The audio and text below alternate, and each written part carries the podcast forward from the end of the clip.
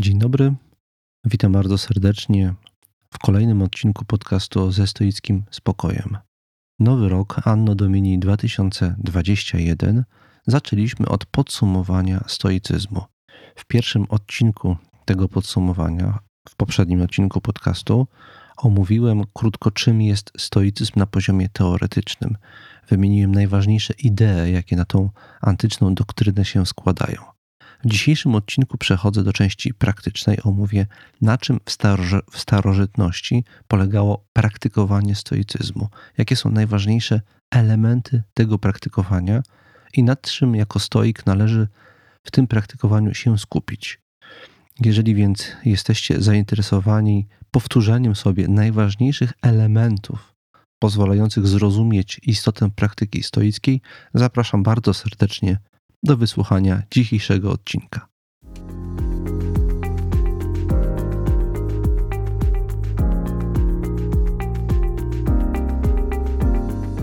Zacznę tradycyjnie od podziękowań, a więc po pierwsze dziękuję wszystkim słuchającym za słuchanie. My ten podcast y, zaczęliśmy tworzyć po to, żeby popularyzować dzisiaj stoicką postawę i praktykę, a jednocześnie tworzyć wokół tej praktyki pewnego rodzaju wspólnotę e, ludzi zainteresowanych właśnie tą formą rozwijania się. Dlatego bardzo dziękujemy za dołączenie do tej wspólnoty, bo słuchanie tego podcastu jest pewnego rodzaju dołączeniem do tej wspólnoty. Następnie bardzo gorąco chciałbym podziękować wszystkim patronom, którzy oprócz słuchania jednocześnie zdecydowali się wesprzeć nasz projekt finansowo. Dzięki temu możemy to robić. Spośród y, patronów jest pewna kategoria osób, y, tak zwanych przyjaciół y, tego podcastu, którym szczególnie gorąco chciałbym podziękować za hojność ich wsparcia. Jest to pan Ludwik Sinica, bardzo dziękuję. Pan Bartłomiej z Norwegii, bardzo dziękuję. Pan Łukasz Mandzyn, bardzo dziękuję. Pan Sławomir, Sławomir Franus i pan Leszek Para. Wszystkim panom bardzo dziękuję. Zachęcam do dołączania do grona przyjaciół podcastu. I pozostając jeszcze trochę przy podziękowaniach, oczywiście także mm, bardzo dziękuję wszystkim osobom, które nadsyłają różne zapytania y, do nas, do mnie. Ja dzisiaj nie będę obszernie do tych zapytań, komentarze się odnosił ze względu na specyfikę dzisiejszego odcinka, do której do specyfiki zaraz przejdę, ale pomyślałem, że dobrze by było, żebym chociaż do jednego takiego zapytania się odniósł. Mm, y, to jest zapytanie, które mm, y, nadeszło od pana Marka. Y, on, fragment jego listu przeczytam, żeby nakreślić kontekst pytania. Zachęcony możliwością kontaktu i własnymi przemyśleniami, chciałbym zapytać o dwie kwestie. Czytając listy moralne do Lucyliusza, możemy przeczytać w końcówce listu 97. Jest tam rozważanie dotyczące popełnianych przestępstw i szkód, jakie ponosimy przez ich popełnianie. Na przykład, e, i tutaj pan Marek cytuje Senekę. Najpierwszą i największą karą dla przestępców są same ich przestępstwa. I żadna zbrodnia, choćby sprzyjały jej wyjątkowo pomyślne zrządzenie losu, choćby los obronił i uratował zbrodniarza, nie zostaje bezkarna, ponieważ każda nieprawość zawiera srogą karę w samej sobie. Koniec cytatu z Seneki. I dalej pan Marek pisze następująco. Czytanie tego skłoniło mnie do refleksji, że niestety ciężko mi się zgodzić z tymi rozważaniami. Patrząc na ludzi dookoła, którzy stawiają sobie własny egoizm i wygodę ponad poszanowanie zasad społeczeństwa, ciężko mi wniknąć w myśli takich osób, ale nie mam wrażenia, że osoba, która kradnie, oszukuje, czuje wyrzuty sumienia z tych powodów. Mogą być też przypadki dużo bardziej bliższe nam wszystkim, w naszym otoczeniu, polegające na śmieceniu w przestrzeni publicznej czy nielegalnym parkowaniu, na przykład przed przejściem dla pieszych, powodując niebezpieczeństwo dla innych uczestników ruchu. I tutaj również w tym kontekście zacząłem zastanawiać się, w jaki sposób powinno się upominać ludzi i czy powinno się to robić. U Seneki możemy przeczytać, że powinniśmy jednak to robić z własnego doświadczenia. Wiem niestety, że bezpośrednie zwracanie komuś uwagi skutkuje agresją z jego strony, chociaż staram się taką uwagę zwracać uprzejmie. Niedawno zwróciłem uwagę kierowcy parkującego mu przed przedszkolem na samym przejściu dla pieszych. Zwróciłem uwagę słowami: Przepraszam, dlaczego parkuje pan na przejściu dla pieszych? Ten odburknął, że nie było nigdzie miejsca. Nie zgodziłem się, wskazując 100 metrów wcześniej miejsca postojowe. Dowiedziałem się, że to nie moja broszka i jak chcę, to mam dzwonić do, na miejskich. Można dodać, że jest to przedszkole katolickie, co dodatkowo podłamało moją wiarę w sumienie ludzi. Byłbym bardzo wdzięczny na, za nakierowanie na teksty lub Państwa komentarz dotyczący napominania innych i jak według stoików powinniśmy się zachować w takich sytuacjach. Zdaję sobie w pełni sprawę, że Marek Aureliusz napisał, a choćbyś pękł, nie zmieni się postępowanie ludzi. Niemniej jednak sam Seneca starał się kształtować sumienia Nerona, chociaż skutek znamy. Koniec y, tego cytatu z listu od pana Marka. Panu Markowi bardzo dziękuję za ten komentarz. Bardzo krótko się do tego odniosę. Myślę, że jeszcze do tego tematu wrócę kiedyś. Y, odniosę się najpierw do tego, że stoicy lokują się w takiej tradycji myślowej, która zakorzeniona jest w myśleniu sokratejskim i potem platońskim, widzimy świadectwa tego poglądu, który tutaj zbiera pokłosie w wypowiedzi mm, Seneki. Znajdujemy świadectwo tego poglądu już w Gorgiaszu Platońskim albo w państwie Platona, w drugiej księdze. Tam w drugiej księdze jest taka opowieść e, alegoryczna przedstawiona mm, pod tytułem Pierścień Gygesa. E, chodzi o to, że bohater tej opowieści znajduje mm, magiczny pierścień i za pomocą tego pierścienia może znikać. Jak on go obróci, ten pierścień na palcu, to znika. E, I wtedy może niezauważenie i absolutnie bezkarnie popełniać różne występki, które są dla niego korzystne. I opowieść ta przedstawia E, historię tego człowieka, który znalazł ten pierścień, który dzięki temu, że znalazł ten pierścień, podstępnymi różnymi ruchami, w tym zabójstwami, sięga po koronę w kraju, e, którego był obywatelem. Staje się królem i wychodzi e, i żeni się z królową. I Platon na marginesie tej, tej historii zadaje pytanie bardzo ważne. Czy ktoś, czy jest człowiek, który wiedząc, że pozostanie całkowicie bezkarnym, E, nie skorzystałby z tej możliwości? Czy przypadkiem nie jest tak, że jesteśmy dobrzy, postępujemy wedle norm moralnych e, i sprawiedliwie, tylko dlatego, że boimy się konsekwencji? A gdyby one zniknęły, to nikt nie postępowałby sprawiedliwie, nie, nie byłoby nikogo bez skazy. W dialogu mm, pod tytułem Państwo Platon y, ten przykład skonstruował w ten specyficzny sposób po to, żeby zadać potem Sokratesowi kluczowe pytanie, żeby Sokrates mógł zadać kluczowe pytanie. Y, czy jest w postępowaniu dobrze, w byciu dobrym człowiekiem, jest coś takiego, co stanowi nagrodę samą w sobie bez względu na konsekwencje i bez względu na konsekwencje działania przeciwnego? I, I, właściwie całe państwo jest próbą odpowiedzi na to pytanie. Jeżeli sprawiedli bycie sprawiedliwym nie stanowi pewnego rodzaju nagrody samej w sobie, to może faktycznie nie warto być sprawiedliwym.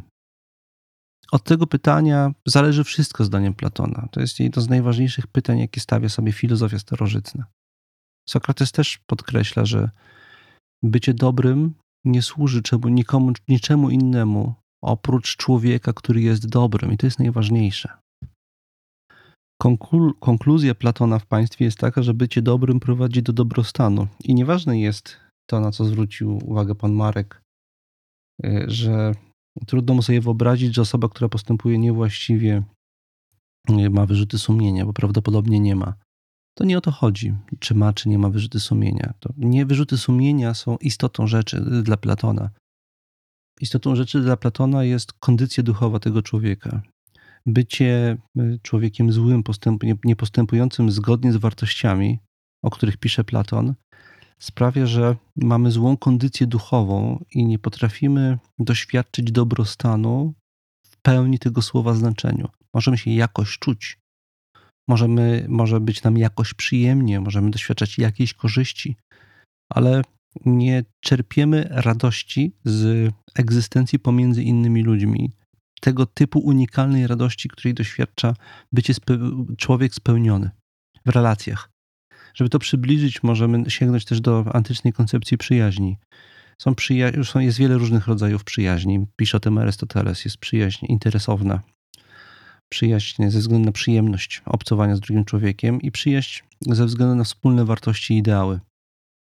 I pełną głębię przyjaźni doświadczamy i, pełną radość z tego typu przyjaźni doświadczamy tylko wtedy, kiedy mamy do czynienia z przyjaźnią trzeciego rodzaju, kiedy robimy coś razem coś ważnego, kiedy przyświeca nam jakiś wspólny ideał. Jeżeli, jest, jeżeli jesteśmy dla kogoś mili, robimy coś dla kogoś, bo na tym coś zyskujemy, jesteśmy interesowni, to nie musimy odczuwać z tego powodu wyrzutu sumienia.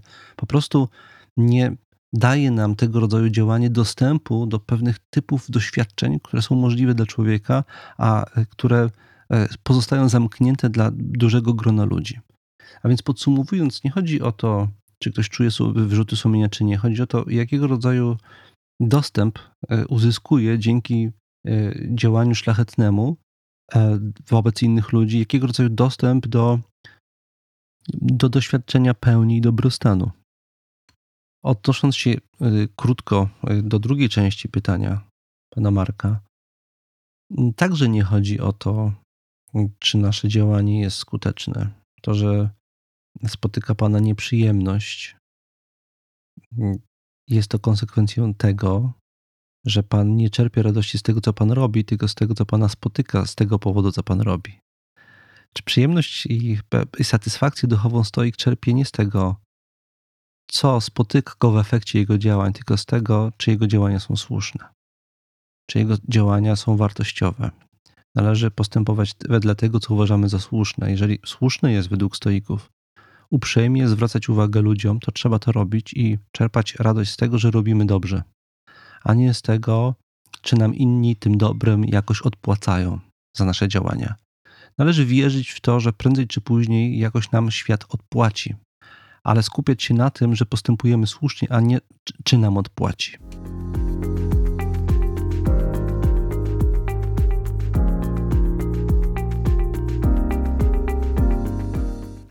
Teraz przechodzę już do nagrania, y, które mamy na dzisiaj przygotowane.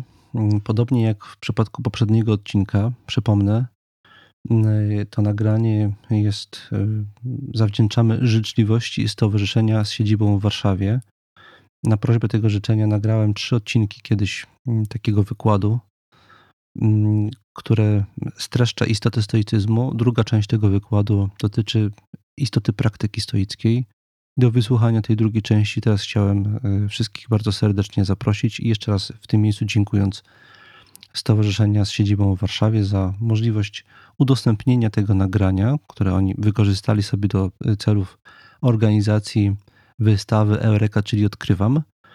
Tego, e, udostępnienie tego nagrania także za pośrednictwem normalnego odcinka podcastu ze stoickim spokojem. Zapraszam do wysłuchania tego nagrania.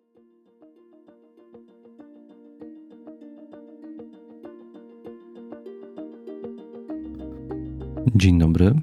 Nazywam się Tomasz Mazur i jestem współczesnym praktykującym stoikiem. W dzisiejszym nagraniu chciałbym opowiedzieć trochę o tym, jak wygląda praktykowanie stoicyzmu. Chciałbym zacząć od wyjaśnienia, co to znaczy, że jakaś doktryna filozoficzna, czy jak w przypadku stoicyzmu, szkoła filozoficzna, posiada aspekt praktyczny, to znaczy, że jakaś ważna jej część polega na praktykowaniu czy ćwiczeniu się w czymś.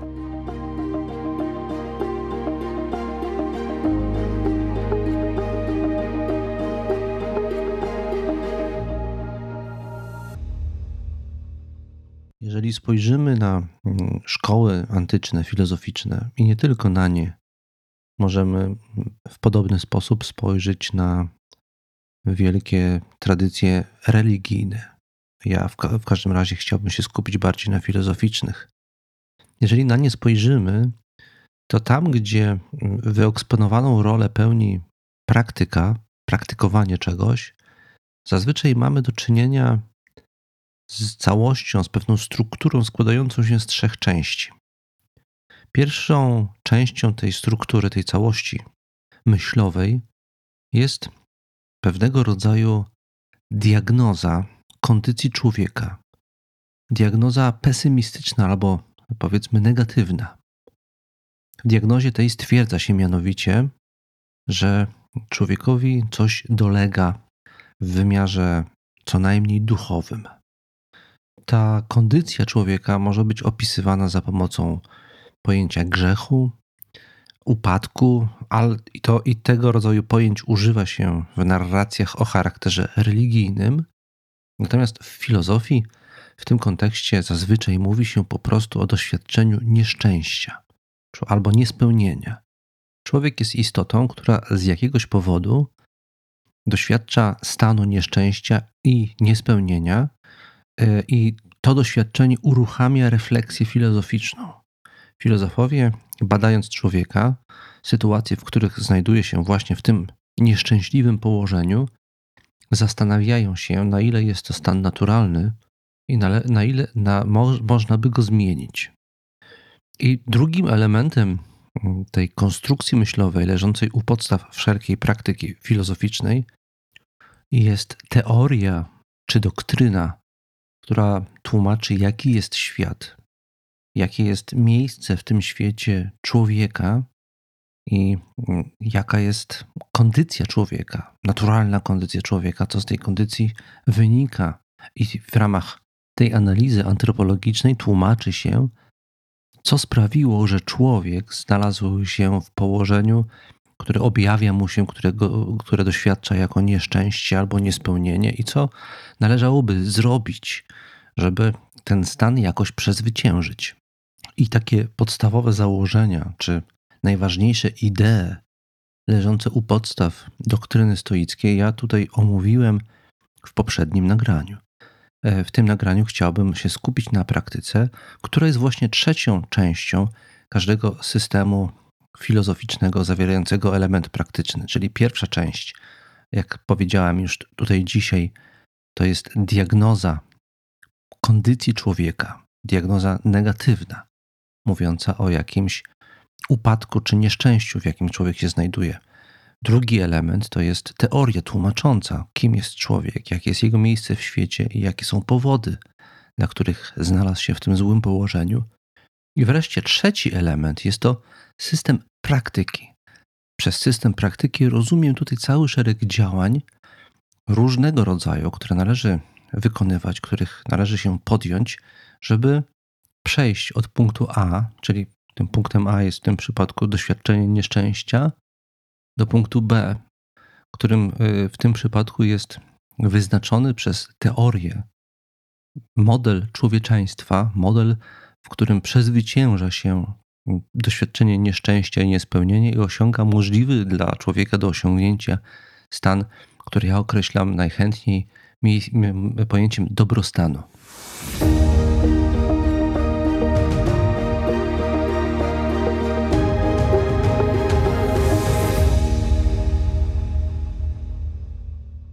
Wprawdzie, tak jak wyjaśniałem to w poprzednim nagraniu, stoicyzm zawiera komponent teoretyczny, nawet y, komponent dość mocno rozbudowany. Jest taki stoicki filozof, który się nazywa Chryzyp. Wspominałem, że, że istnieje taka postać w poprzednim nagraniu.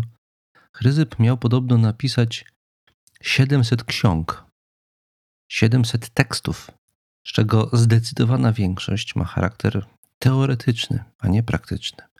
Sugerowałoby to, że dla antycznych stoików ta teoria jakoś odgrywała kluczową rolę, że w związku z tym być może nie tylko praktyka ich interesowała, ale też zainteresowani byli teorią dla samej teorii.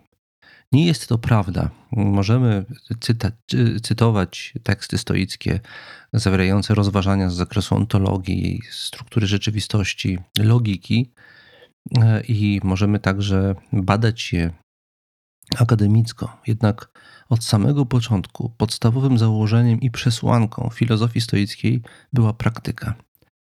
Epiktet w jednym ze swoich słynnych wykładów powiedział, że sala wykładowa, filozoficzna sala wykładowa jest czymś w rodzaju poczekalni w szpitalu czy w izbie chorych. Ludzie przychodzą w to miejsce nie po to, żeby się czegoś dowiedzieć, tylko po to, żeby odmienić swoje życie. Jeżeli przychodzą w innym celu, to przychodzą w złym celu i powinni poszukać innego miejsca. Chcę przez to powiedzieć, że jeżeli stoik uprawia teorię, to robi to zawsze i wyłącznie po to, żeby usprawnić swoją praktykę. Teoria nie ma żadnego sensu, jeżeli nie znajduje ostatecznie zastosowania w praktyce.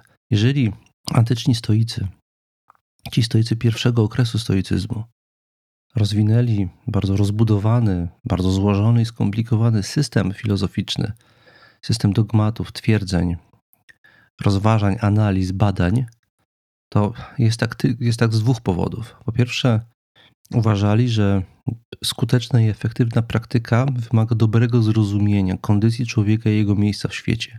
Ze zrozumienia wypływa działanie.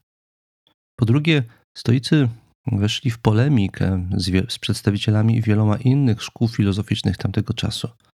Z platonikami, arystotelikami i przede wszystkim ze sceptykami, którzy zarzucali im dogmatyzm.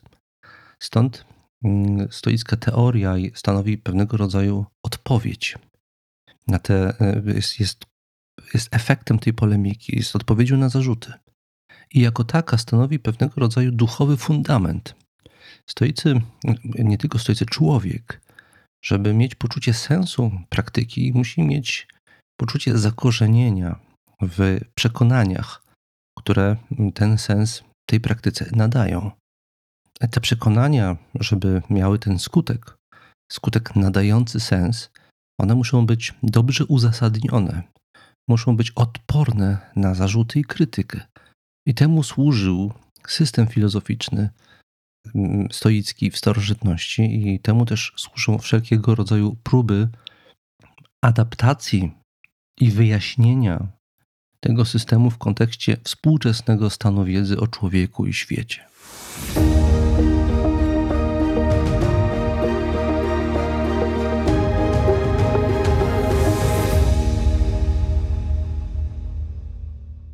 Bardzo często postrzega się stoika przez pryzmat pewnego modelu spokoju.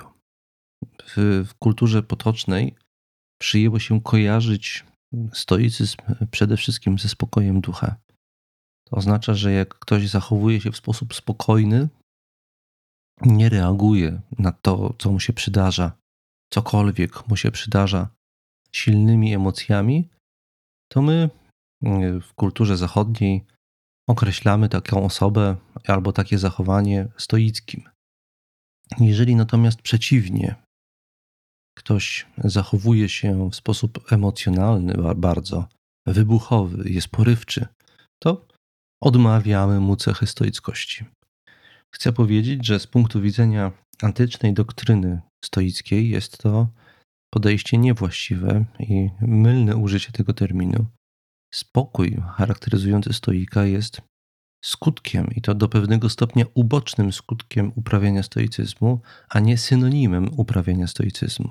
Jeżeli ktoś jest stoikiem, to nie oznacza to, że jest spokojny, to oznacza, że on próbuje wypracować sobie pewnego rodzaju postawę za pomocą całego szeregu ćwiczeń i działań, gdzie efektem dopiero tej praktyki jest między innymi postępowanie i zachowywanie się w sposób spokojny i posiadanie swego rodzaju wewnętrznej, stałej, niezmiennej pogody ducha.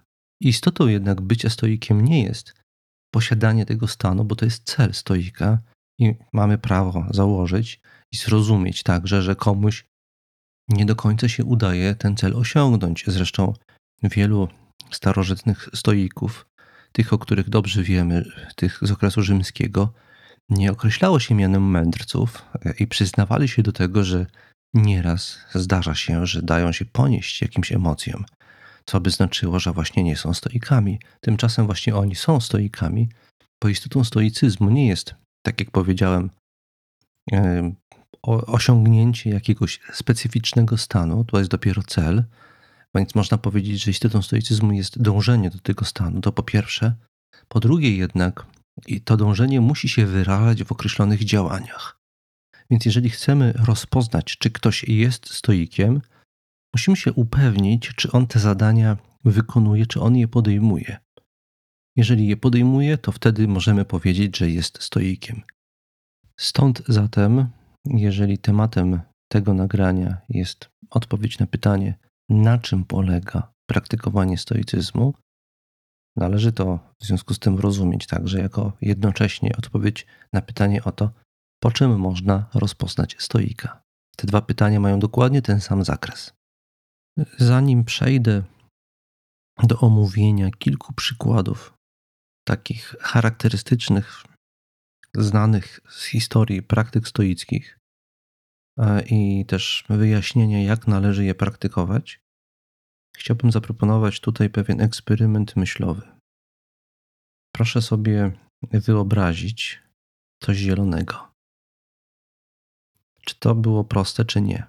Każdy e, słuchacz tego nagrania zdziwi się, że w ogóle o to pytam, bo wydaje się, że wyobrażanie sobie czegoś zielonego jest bajecznie proste. No, oczywiście, chyba że trafimy na osobę, która nie widzi i w związku z tym nigdy nie widziała koloru zielonego, wówczas prosiłbym taką osobę, żeby wyobraziła sobie dźwięk jakiś, tak? Albo szorstki głos. Szorstki głos. Chodzi o coś, co mm, na podstawie sięgnięcia do pamięci możemy sobie łatwo przedstawić. Mm, albo, żeby być trochę bardziej precyzyjnym, chodzi o takie doświadczenie, które, mm, żeby się wydarzyło w naszej głowie, żeby udało nam się coś osiągnąć, nie potrzebujemy żadnych okoliczności zewnętrznych, a wystarczy wyłącznie samo działanie naszego umysłu. Żeby wyobrazić sobie coś, coś zielonego, nie potrzebujemy zobaczyć czegoś zielonego, bo możemy sobie po prostu to wyobrazić. Skąd ten przykład? I dlaczego taki właśnie przykład podałem? Chodzi o to, że istotą stoicyzmu jest pewnego rodzaju odkrycie fundamentalne, na bazie którego stoicy rozwinęli cały system praktyki. Oni do, doszli do przekonania, że szczęście, albo to, co ja tutaj wcześniej nazwałem dobrostanem, to jest przede wszystkim stan umysłu. Więcej, jest to stan umysłu zasadniczo niezależny względem tego, co nam się przydarza, czego doświadczamy. Wszystkie zasoby niezbędne do tego, żeby czuć się szczęśliwym i spełnionym człowiekiem, posiadamy w sobie. Są one efektem przetwarzania tego, czego doświadczamy. A więc nie doświadczenie, nie zdarzenie, nie wydarzenia z naszego życia, które nam się codziennie przydarzają, nie to decyduje o tym, jak się czujemy. To, jak się czujemy i czy czujemy się, w szczególności, czy czujemy się spełnieni, czy osiągnęliśmy stan dobrostanu, to jest efekt przetworzenia naszego doświadczenia, a nie samego doświadczenia. A więc można powiedzieć wstępnie, że osiągnięcie szczęścia jest jakoś podobne do wyobrażania sobie czegoś zielonego. Czyli, że jest to jakoś bardzo proste. Oczywiście nie jest to aż tak proste, jak wyobrażanie sobie czegoś zielonego, Gdybym miał poszukać tutaj bardziej adekwatnego porównania, to użyłbym porównania ze złożonym działaniem matematycznym, które musimy w całości przeprowadzić w głowie. Albo żeby ten eksperyment mój pociągnąć dalej, to chciałbym poprosić, żeby osoba, która mnie teraz słucha, wyobraziła sobie trzy jednocześnie rzeczy. Czy była uważna na trzy jednocześnie rzeczy. Poproszę, żebyś liczył, liczyła e, oddechy swoje teraz, kiedy mnie słuchasz. E, czyli musisz być uważny, uważna na to, że oddychasz i liczyć to jednocześnie. Następnie proszę, żebyś licząc oddechy i oddychając, nie przestając oddychać, jednocześnie cały czas ze zrozumieniem mnie słuchała, bądź słuchał. Następnie, i to jest ten drugi, drugi rodzaj uważności, który chcę, żebyś teraz dołączyła do tej pierwszej. A teraz mm, kolejny element. Teraz dołącz do tego operację matematyczną, polegającą na tym, że ja ci mówię, iż to dzisiejsze nagranie trwa 30 minut. Ja cię proszę, żeby jednocześnie pamiętaj o tych dwóch poprzednich uważnościach, żebyś słuchając mnie policzyła bądź policzył, ile procent jest to zdoby. 30 minut nagrania, ile procent jest to zdoby. A więc y, y, jednocześnie licz oddechy, jednocześnie słuchaj tego, co mówię, jednocześnie obliczaj w głowie, ile procent zdoby jest to 30 minut. I ja rozumiem, y, że teraz, kiedy ja to mówię dalej, a ty słuchając mnie jednocześnie robisz to działanie w głowie, doświadczasz pewnego rodzaju bólu, pewnego rodzaju z pewnego stanu umysłowego, który jest jakoś bolesny trochę, bo to jest pewnego rodzaju wysiłek wewnętrzny. Mm, chcę powiedzieć, że praktyka stoicka właśnie polega na tym wysiłku z jednej strony, a po drugie, w momencie, kiedy to nam wchodzi w nawyk, to szczęście stoickie jest efektem tego wysiłku i ono jest właśnie czymś takim, jak właśnie to, co teraz się dzieje w Twojej głowie. Jakkolwiek dziwnie to by nie brzmiało, jakkolwiek trudno byłoby sobie tobie wyobrazić na chwilę obecną, że to jest dokładnie to samo, ale to jest bardzo podobna rzecz. Szczęście jest to stan umysłu, który jest konsekwencją sposobu naszego bycia, naszego funkcjonowania, naszego, naszej, naszej stylu naszej refleksyjności, wytrenowanej refleksyjności i w efekcie jest całkowicie niezależny od okoliczności zewnętrznych, bo nie chodzi o to, jakie liczby liczymy i wyliczamy, chodzi o to, że wyliczamy. Tak samo w stoicyzmie nie chodzi o to, co nam się przydarza, czy jest to przykre, czy nie przykre, to zupełnie drugorzędne. To jest tak samo jak różnica między liczbą 2 a 8. Ważne jest to, że dokonujemy obliczeń.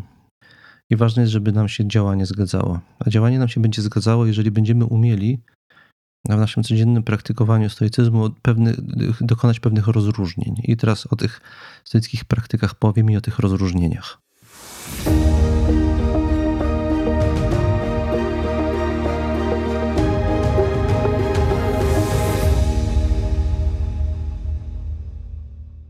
W poprzednim nagraniu wspomniałem, że te ćwiczenia stoickie można podzielić na trzy y, różne dyscypliny.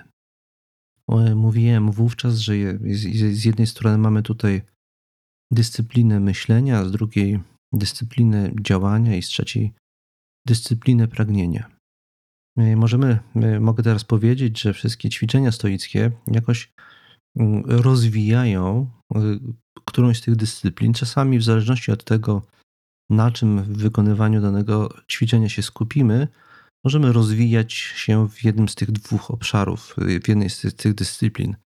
I tak, jeżeli chodzi o dyscyplinę pierwszą, czyli dyscyplinę myślenia, stoicy zalecali przede wszystkim dwie rzeczy. Po pierwsze, zalecali trening logiczny, trening wnioskowania i logicznego myślenia, dlatego że uważali, że cały szereg problemów, jakie się w życiu wikłamy, jest konsekwencją tego, że nie rozumujemy poprawnie, to znaczy wyciągamy niewłaściwe wnioski z tego, co się dzieje. Załóżmy, że ktoś mm, powiedział coś, co ja zinterpretowałem jako obraźliwe, bo niewłaściwie oceniłem, co on powiedział, e, podczas gdy to wcale takie nie było. Następnie mm, podejmuję działania, dlatego że zinterpretowałem to jako obraźliwe. Te działania są niewłaściwe, niepożądane i szkodzą na dłuższą metę relacji mojej z tą osobą. A więc e, błąd w rozumowaniu skutkuje niewłaściwymi działaniami i pogorszeniem się jakości mojego życia, w szczególności moich relacji. Dlatego rozumowanie, praktykowanie rozumowania jest bardzo ważnym elementem filozofii stoickiej. Nawet jest taka definicja stoicyzmu, którą znam od Chryzypa, która w przełożeniu na język polski brzmiałaby mniej więcej, że filozofia jest to, mm, filozofia stoicka jest to praktykowanie poprawności e, procesów myślenia. Właściwie, jak się skupimy na dobrym zrozumieniu tej definicji, to z tego się da wywieść wszystko inne. A tak więc w samym sercu tej praktyki stoickiej jest umiejętność poprawnego rozumowania. Mm, drugim elementem mm, tego, co tutaj określiłem mianem dyscypliny myślenia, jest y, umiejętność skupienia się, uważność. My jesteśmy dzisiaj, zawsze człowiek taki był, ale wydaje mi się, że dzisiaj powodów czy przesłanek do tego, żeby taki właśnie być jest dużo więcej niż kiedykolwiek wcześniej. Jesteśmy rozproszeni, nieuważni, brak nam skupienia. Mm, I to jest bardzo ważna umiejętność w stoicyzmie. Bez skupienia nie powiedzie nam się praktykowanie czegokolwiek innego. I w tym celu stoicy mm, stosowali po pierwsze mm, studia, y, czyli stałym elementem praktyki stoickiej jest czytanie tekstów. W ciszy, w skupieniu, w osamotnieniu należy studiować trudne teksty. Najlepiej, żeby oczywiście były związane jakoś ze stoicyzmem, ale niekoniecznie. To mogą być po prostu teksty, które nas interesują, ale które zmuszają nas do, do skupienia. I, I, jeżeli chcecie zobaczyć, poznać współczesnego praktykującego stoika, to jednym z takich cech, z takich cech, jedną z takich cech rozpoznawczych jest to, że jest to osoba, która regularnie czyta i że to czytanie nie służy poznawaniu nowych informacji przede wszystkim, ale jest elementem jego praktyki, bo dzięki temu on ćwiczy umysł. Jeżeli ktoś z tego powodu czyta, to jest to bardzo stoickie. Kolejnym e, sposobem na ćwiczenie skupienia jest jeden z najważniejszych elementów praktyki stoickiej. Stoicy określali to mianem mm, rachunku sumienia. Ja współcześnie, żeby lepiej to trochę oddać istotę mm, tego, tego, tej techniki, nazywam to mianem przeglądu siebie. Jest to taki zestaw pytań, które stoik sobie codziennie co najmniej raz ra, dziennie, rano, ale to może być także w ciągu dnia i wieczorem. On sobie ten zestaw powtarza. Zadaje sobie w ramach tego ćwiczenia cały szereg pytań na temat tego, co dzisiaj zamierza zrobić bądź zrobił, jak mu to poszło. To jest pewnego rodzaju rozrachunek ze sobą, przegląd działań albo planowanych działań. Ma to dyscyplinować nasz umysł i spotkać nas z nami samymi. W, trybie takiego refleksyjnego przeglądu samego siebie jaka jest moja kondycja dzisiaj, jakie mam dzisiaj plany, co jest ważne do, do osiągnięcia i skupienie się na tym, e, żebym dążył do tego, co jest dzisiaj dla mnie ważne. Co sobie wyznaczyłem jako jakiś istotny cel danego dnia. A więc w ramach dyscypliny myślenia mamy te trzy elementy podstawowej praktyki stoickiej. No, tak jak powiedziałem, jeżeli przejdziemy teraz do dyscypliny działania, tutaj kluczowym elementem są normy. Pierwsze, pierwsza rzecz, jaką tutaj stoik musi umieć przeprowadzić, to jest oddzielenie, to ten jeden z najsłynniejszych rzeczy w stoicyzmie, oddzielenie dobra, czy tego, co dobre i złe, od tego, co tylko dogodne, albo wartościowe i bezwartościowe. Stoicy przeprowadzali to rozróżnienie w bardzo prosty sposób. Dzielili wszystkie rzeczy na te, które są od nas zależne i te, które są od nas niezależne. I dobro i zło to są rzeczy od nas zależne, natomiast wszystko, co jest od nas niezależne, nie jest ani dobre, ani złe, jest więc y, zasadniczo obojętne, może być co najwyżej dogodne, przydatne, jakoś wartościowe do realizacji ważnych dla nas celów. I ta umiejętność odróżnienia od siebie tych dwóch rzeczy, tego co jest ode mnie zależne, a ode mnie zależne jest to, jakim jestem człowiekiem, jak mam zaplanowane działania, na ile jestem zdystansowany, na ile harmonijny, jak kształtuję relacje z innymi ludźmi, czy jestem pogodnym człowiekiem, czy nie, czy jestem przyjaznym, czy jestem sprawiedliwym. To są rzeczy ode mnie zależne, czyli powiedzmy stany naszych emocji, stany naszych myśli i stany naszych przekonań. Wszystko inne jest od nas zasadniczo niezależne i to jest podstawowy element y, stoickiej y, dyscypliny działania. Umiejętność oddzielenia tych dwóch rzeczy od siebie i, i skupienie się w codziennym działaniu przede wszystkim na tym, co jest ode mnie zależne, a całą resztę traktowanie jego to, co się po prostu przydarza. I ten podział na zależne i niezależne przeprowadzamy podczas e, przeglądu siebie, czy tak jak e, stoicy antyczni to nazywają rachunku sumienia, ale można i należy wracać do tego w ciągu dnia, zastanawiając się, kiedy przygotowujemy się do podjęcia jakichś działań, mamy na przykład jakieś ważne spotkanie, coś ma się wydarzyć w naszym życiu, czym potencjalnie moglibyśmy się zdenerwować i mogłoby nas to zaburzyć. Chodzi o to, żeby sobie oddzielić, co w tym, co się ma nam przydarzyć, jest od nas zależne, co jest niezależne, i następnie skupić się na tym, co jest od nas zależne. To jest taki podstawowy, podstawowy podział w etyce stoickiej. Następnie ważnym elementem jest w stoicyzmie, w tej praktyce dyscypliny działania, jest posiadanie hierarchii wartości. Przemyślanej hierarchii wartości. Wiele kłopotów, w jakie się wikłamy w ciągu życia, jest konsekwencją tego, że nie bardzo wiemy, co jest naszym priorytetem i dlaczego. Jeżeli żyjemy refleksyjnie pośród ludzi, to naszym priorytetem jest e, między innymi rozwój naszej refleksyjności, troska o dobre relacje z innymi ludźmi, troska o, o właściwe, właściwą realizację różnych życiowych celów, które ze względu na nasze miejsce w życiu przypadło nam w udziale. I to sobie należy jakoś umiejętnie poukładać pewną spójną hierarchię wartości i to realizować. To jest pewne narzędzie, które się wykonuje podczas takich e, osobistych sesji refleksyjnych. Raz na jakiś czas stoik powinien poddać refleksji e, swój system wartości, czy na przykład ważniejsza jest dla niego wolność w danym etapie życia, czy w ogóle, czy na przykład zaangażowanie w relacje. Załóżmy, że takie te wartości mogą wchodzić ze sobą w konflikt.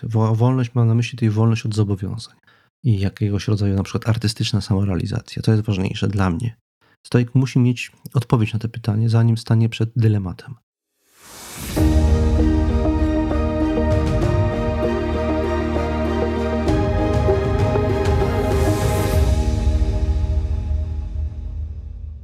To y, y, tyle, jeżeli chodzi o.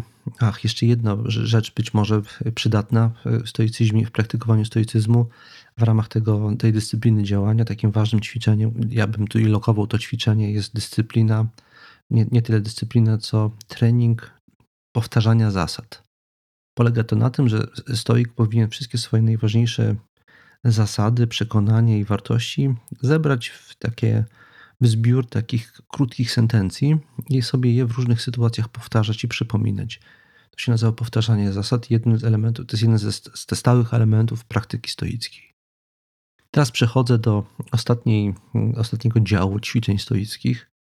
Nazywamy je ten dział dyscypliną pragnienia. Jest to szereg ćwiczeń i działań mających na celu przeciwdziałanie wszelkiego rodzaju zaburzeniom emocjonalnym, które nam się na co dzień przydarzają, a to dlatego, że czymś się bardzo podekscytuję i zapominam w efekcie o swoich priorytetach, do, całe moje życie doznaje swego rodzaju zaburzenia, albo czegoś się przestraszę. Stoicy silne emocje porównywali zazwyczaj do pewnego rodzaju gorączki i y, zalecali, żeby tych stanów unikać. I to unikanie przyjmuje postać ćwiczeń stoickich. Mamy tutaj cały szereg ćwiczeń, które stosuje się na dwa sposoby. Z jednej strony stosuje się je doraźnie w sytuacji, kiedy już coś niepokojącego mi się przydarzyło i staram się uspokoić, wyciszyć, e, bo już jestem w stanie jakiegoś emocjonalnego pobudzenia, albo stosuję się je profilaktycznie. Czyli jeżeli spodziewam się, że czeka mnie trudny dzień, to podczas porannego przeglądu siebie robię sobie takie ćwiczenie, na przykład jak perspektywa kosmiczna. Stoicy y, zalecali tutaj, żeby sobie wyobrażać, że patrzymy na siebie z takiego e, narastającego oddalenia, kosmicznego oddalenia, że patrzymy z bardzo dalekiej odległości na Ziemię i musimy sobie wyobrazić, że patrzymy z takiej dużej odległości i patrząc na siebie z tej odległości, widzimy, jak bardzo znikome jest wszystko to, co nam się przydarzy, że to wszystko wnet przeminie, a my tak bardzo się tym wszystkim przejmujemy, jakby to było nie wiadomo co.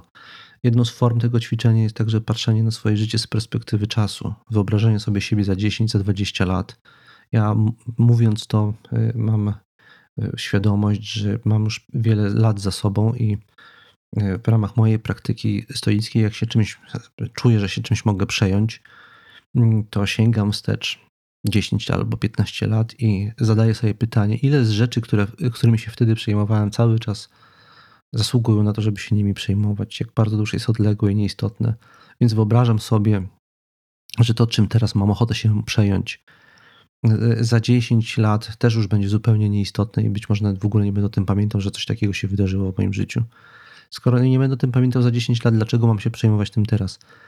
To są metody, za pomocą których stoicy mm, powściągali te silne uniesienia, e, które e, uważali za niebezpieczne, bo zaburzające nasze funkcjonowanie, a w szczególności zaburzające e, poprawne działanie naszej refleksyjności, które jest źródłem naszego dobrostanu.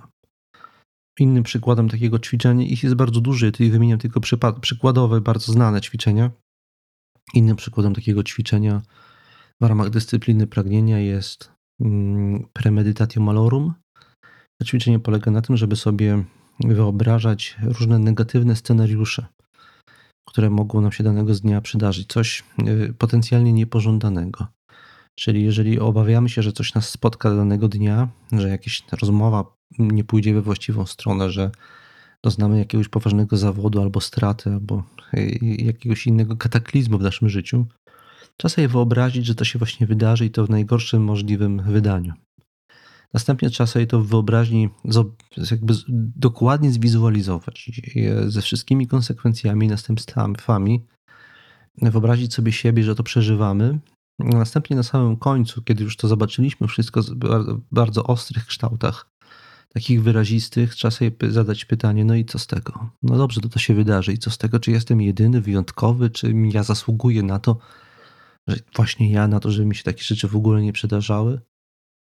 I trzeba zobaczyć to z tej perspektywy podziału na zależne i niezależne. I powiedzieć sobie, że ostatecznie nie chodzi o to, co mi się przydarzy, nawet jak miałyby mi się przydarzyć najstraszniejsze rzeczy.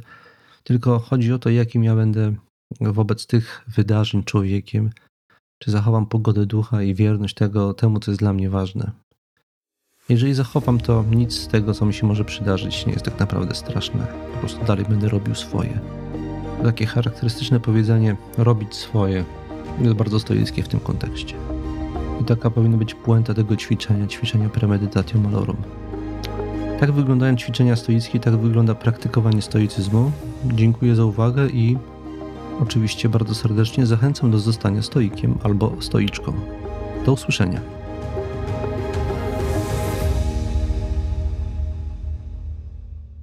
Na tym kończy się nagranie, na tym kończy się moja relacja czy próba podsumowania istoty praktyki stoickiej w możliwie krótkiej formie.